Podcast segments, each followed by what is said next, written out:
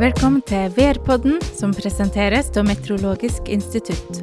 En podkast der meteorologer finner svar på de viktigste, men også de rareste spørsmåla innenfor vær og klima. Jeg heter Kristin Sæter, og attmed meg har jeg Mette Sundbord Skjærdal. Vi er statsmeteorologer ved Meteorologisk institutt. I dagens episode skal vi snakke om temperaturer i sjøen og badetemperaturer. Nå er sommeren over, men temperaturene i skyen er fortsatt høye. Så hvis du har lagt vekk badetrusa for sesongen, så har du kanskje gjort det litt for tidlig.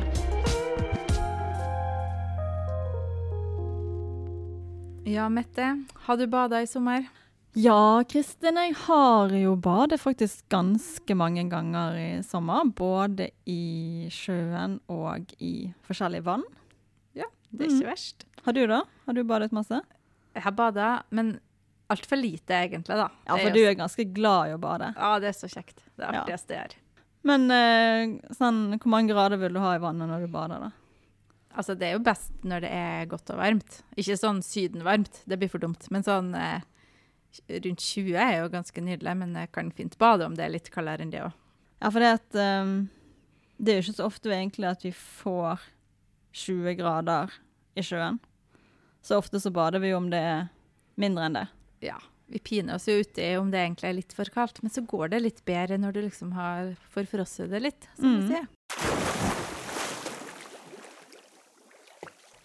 Egentlig så er det jo alltid kaldt i sjøen i Norge. Altså, det er jo det. Eh, det blir jo aldri varmt nok til at vi ikke opplever en nedkjøling når vi går ut i sjøen. Ja, det stemmer. Relativt kjølig er det hele tida, men det er jo nå eh, at det statistisk sett er på topp. Sensommer, tidlig høst.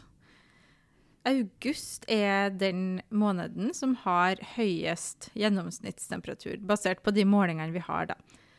Og så er det i lufta er det jo juli som er varmest. Mm. Så der er det jo en forsinkelse ute og går. Og så synker temperaturen ganske sakte utover høsten. Mm, sånn at september måned er fortsatt varm i sjøen. Mm. Og så synker det jo utover høsten og vinteren. Og så er da ofte sjøen på et sånt minimum i februar-mars, og april så begynner det da så smått å stige igjen, da. Ja, og hvorfor er temperaturen i sjøen Hvorfor er gangen i det sånn som den er? Hvorfor er det en sånn forsinkelse? Altså det er jo det at havet varmes jo opp veldig seint. Altså oppvarmingen den går langsomt, og den er jo forskjøvet da i forhold til lufttemperaturen på land. Og det er jo sol som varmer opp havet. Altså det er jo den viktigste kilden til oppvarmingen til havet. Ja, men sola varmer jo Solstrålene de når jo ikke helt ned til bunnen. De varmer opp de øverste få meterne av havet. Og så er det da sirkulasjon i havet som blander det her oppvarma vannet nedover. Og det er jo derfor havet har så stor varmekapasitet, da, som vi sier. Mm. Skal, energien skal hele tida fordeles nedover i dypet. Men det er interessant at det blir aldri blanda helt ned. Der, eh, hvis du kommer langt nok ned, sånn uh, dypere enn et par hundre meter, så er mm, hele havet relativt likt. Der er det mm. iskaldt, og det er ganske lik temperatur og lik saltholdighet og sånne ting. Så det er på en måte upåvirka av overflata, da. Mm. Så det er overflaten da som blir, uh, som blir omrørt, som har en sirkulasjon. Og eh, sol varmer opp dette, men det tar tid. Ja. Og eh, havet har en stor varmekapasitet, sånn at han kan holde på den varmen han får, ganske lenge.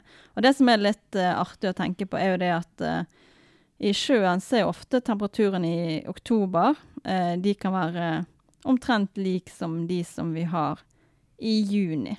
Ja. I mai og juni. For det at i oktober så holder fortsatt temperaturen Det holder fortsatt sjøen på temperaturen sin. Og i mai og juni så har ikke den helt begynt å stige igjen. Den er litt forsinket der igjen i forhold til lufttemperaturen, da. Mens lufttemperaturen er jo definitivt mer behagelig i juni enn i oktober. Som regel, da. Absolutt. Og det har jo også noe å si, faktisk, eh, hvis du skal bade. Ja, ja. Men vi hadde en eh, relativt varm periode nå i år, i juni. Og da Mhm. husker jeg at vi bada. Men det var jo ikke, var ikke godt og varmt. Men etter, etter flere dager med rolig vær og temperaturer over 30 grader, så begynte badetemperaturen å komme seg. Men Ja. det har jo litt med at det er ikke så stor sirkulasjon da når det er rolig værforhold, og du er liksom inne i ei bukt eller inne i en fjord eller sånne ting. Så da vil jo på en måte badetemperaturen reagerer raskere enn eh, temperaturen lenger ute i havet. For da har ikke du den der sirkulasjonen i så stor grad. Og så har du jo strender og svaberg som blir varmt opp til sola, og som igjen da varmer opp vannet. Mm. Men så er det jo òg sånn at hvis det har vært sånn varmt badevær en dag, og plutselig så får vi f.eks. fralandsvind, at vinden blåser fra land og mot havet, så, så tar gjerne vinden med seg det oppvarmede overflatevannet. Egentlig bare blåser det ut til havs, og så stiger det opp kaldere vann fra dypet. da.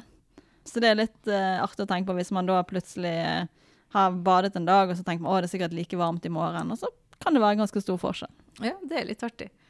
Men Mette, du har jo vært flink i sommer, har ikke du det? Registrert badetemperaturer på Yr? Ja, det har jeg eh, faktisk gjort et par dager i sommer. Og det er sånn på Yr så går det jo an å både sjekke badetemperaturene og faktisk registrere sjøl òg. Eh, så det har jeg eh, gjort eh, i nærheten av det stedet som jeg da var på ferie i sommer.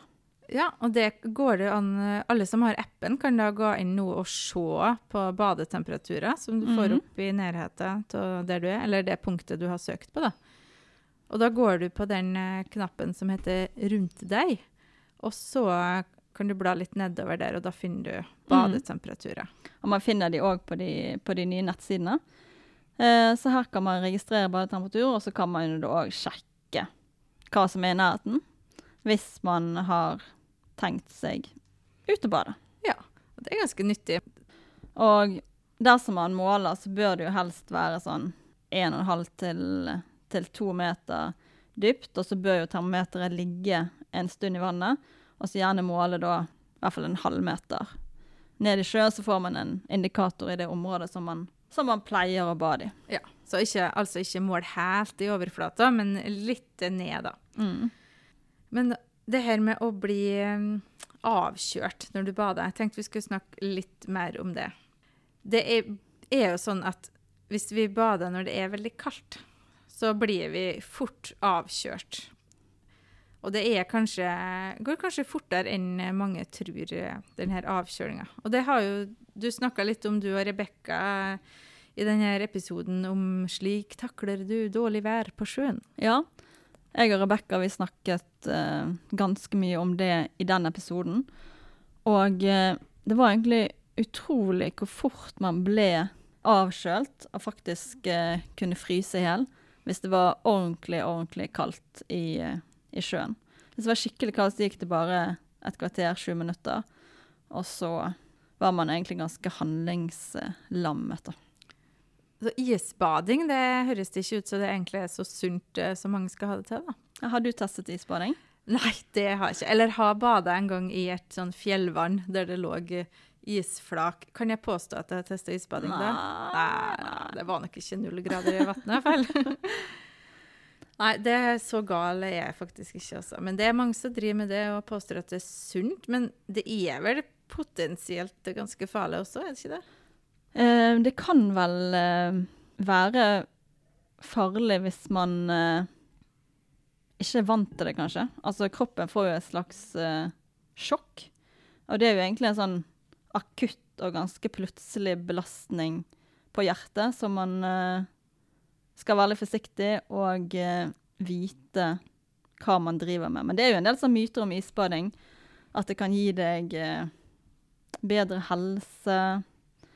Og mange av de som driver med det, sier jo at det er en form for balsam for sjel.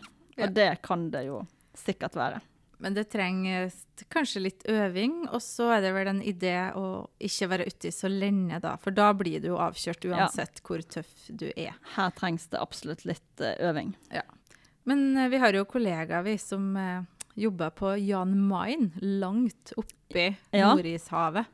Og de, Og- jeg vet ikke, de registrerer faktisk badetemperatur hver eneste dag, og det kan man sjekke på Yr og i, i Yr-appen, da.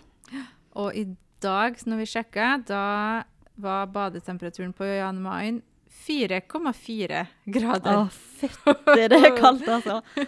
Å, men de bader faktisk eh, et par ganger i, eh, i året der. Og da, at etter de badet, så fyrer de, bad, eh, da fyrer de i badstuen, og så får de diplom.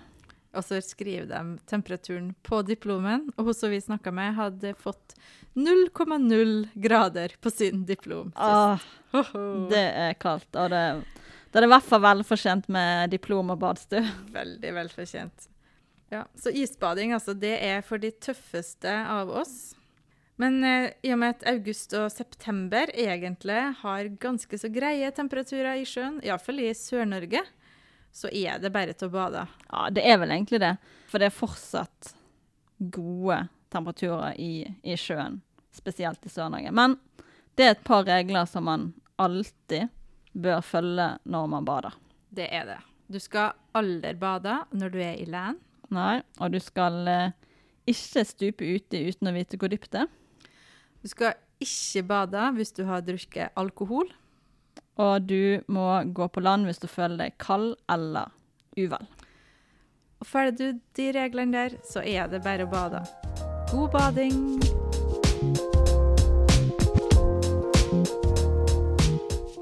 Men Mette, vi burde jo egentlig gått og bade. Ja, vi burde egentlig det. Skal vi sjekke temperaturen? Kanskje. Skal vi se her um... OK, jeg har Hellenese 15. Askøy 15. Nordåsvannet 20. Ja. Tar Nordåsvannet, Da Da tar vi det. I morgen kveld, kanskje. Ja, før nettvakt. Yes.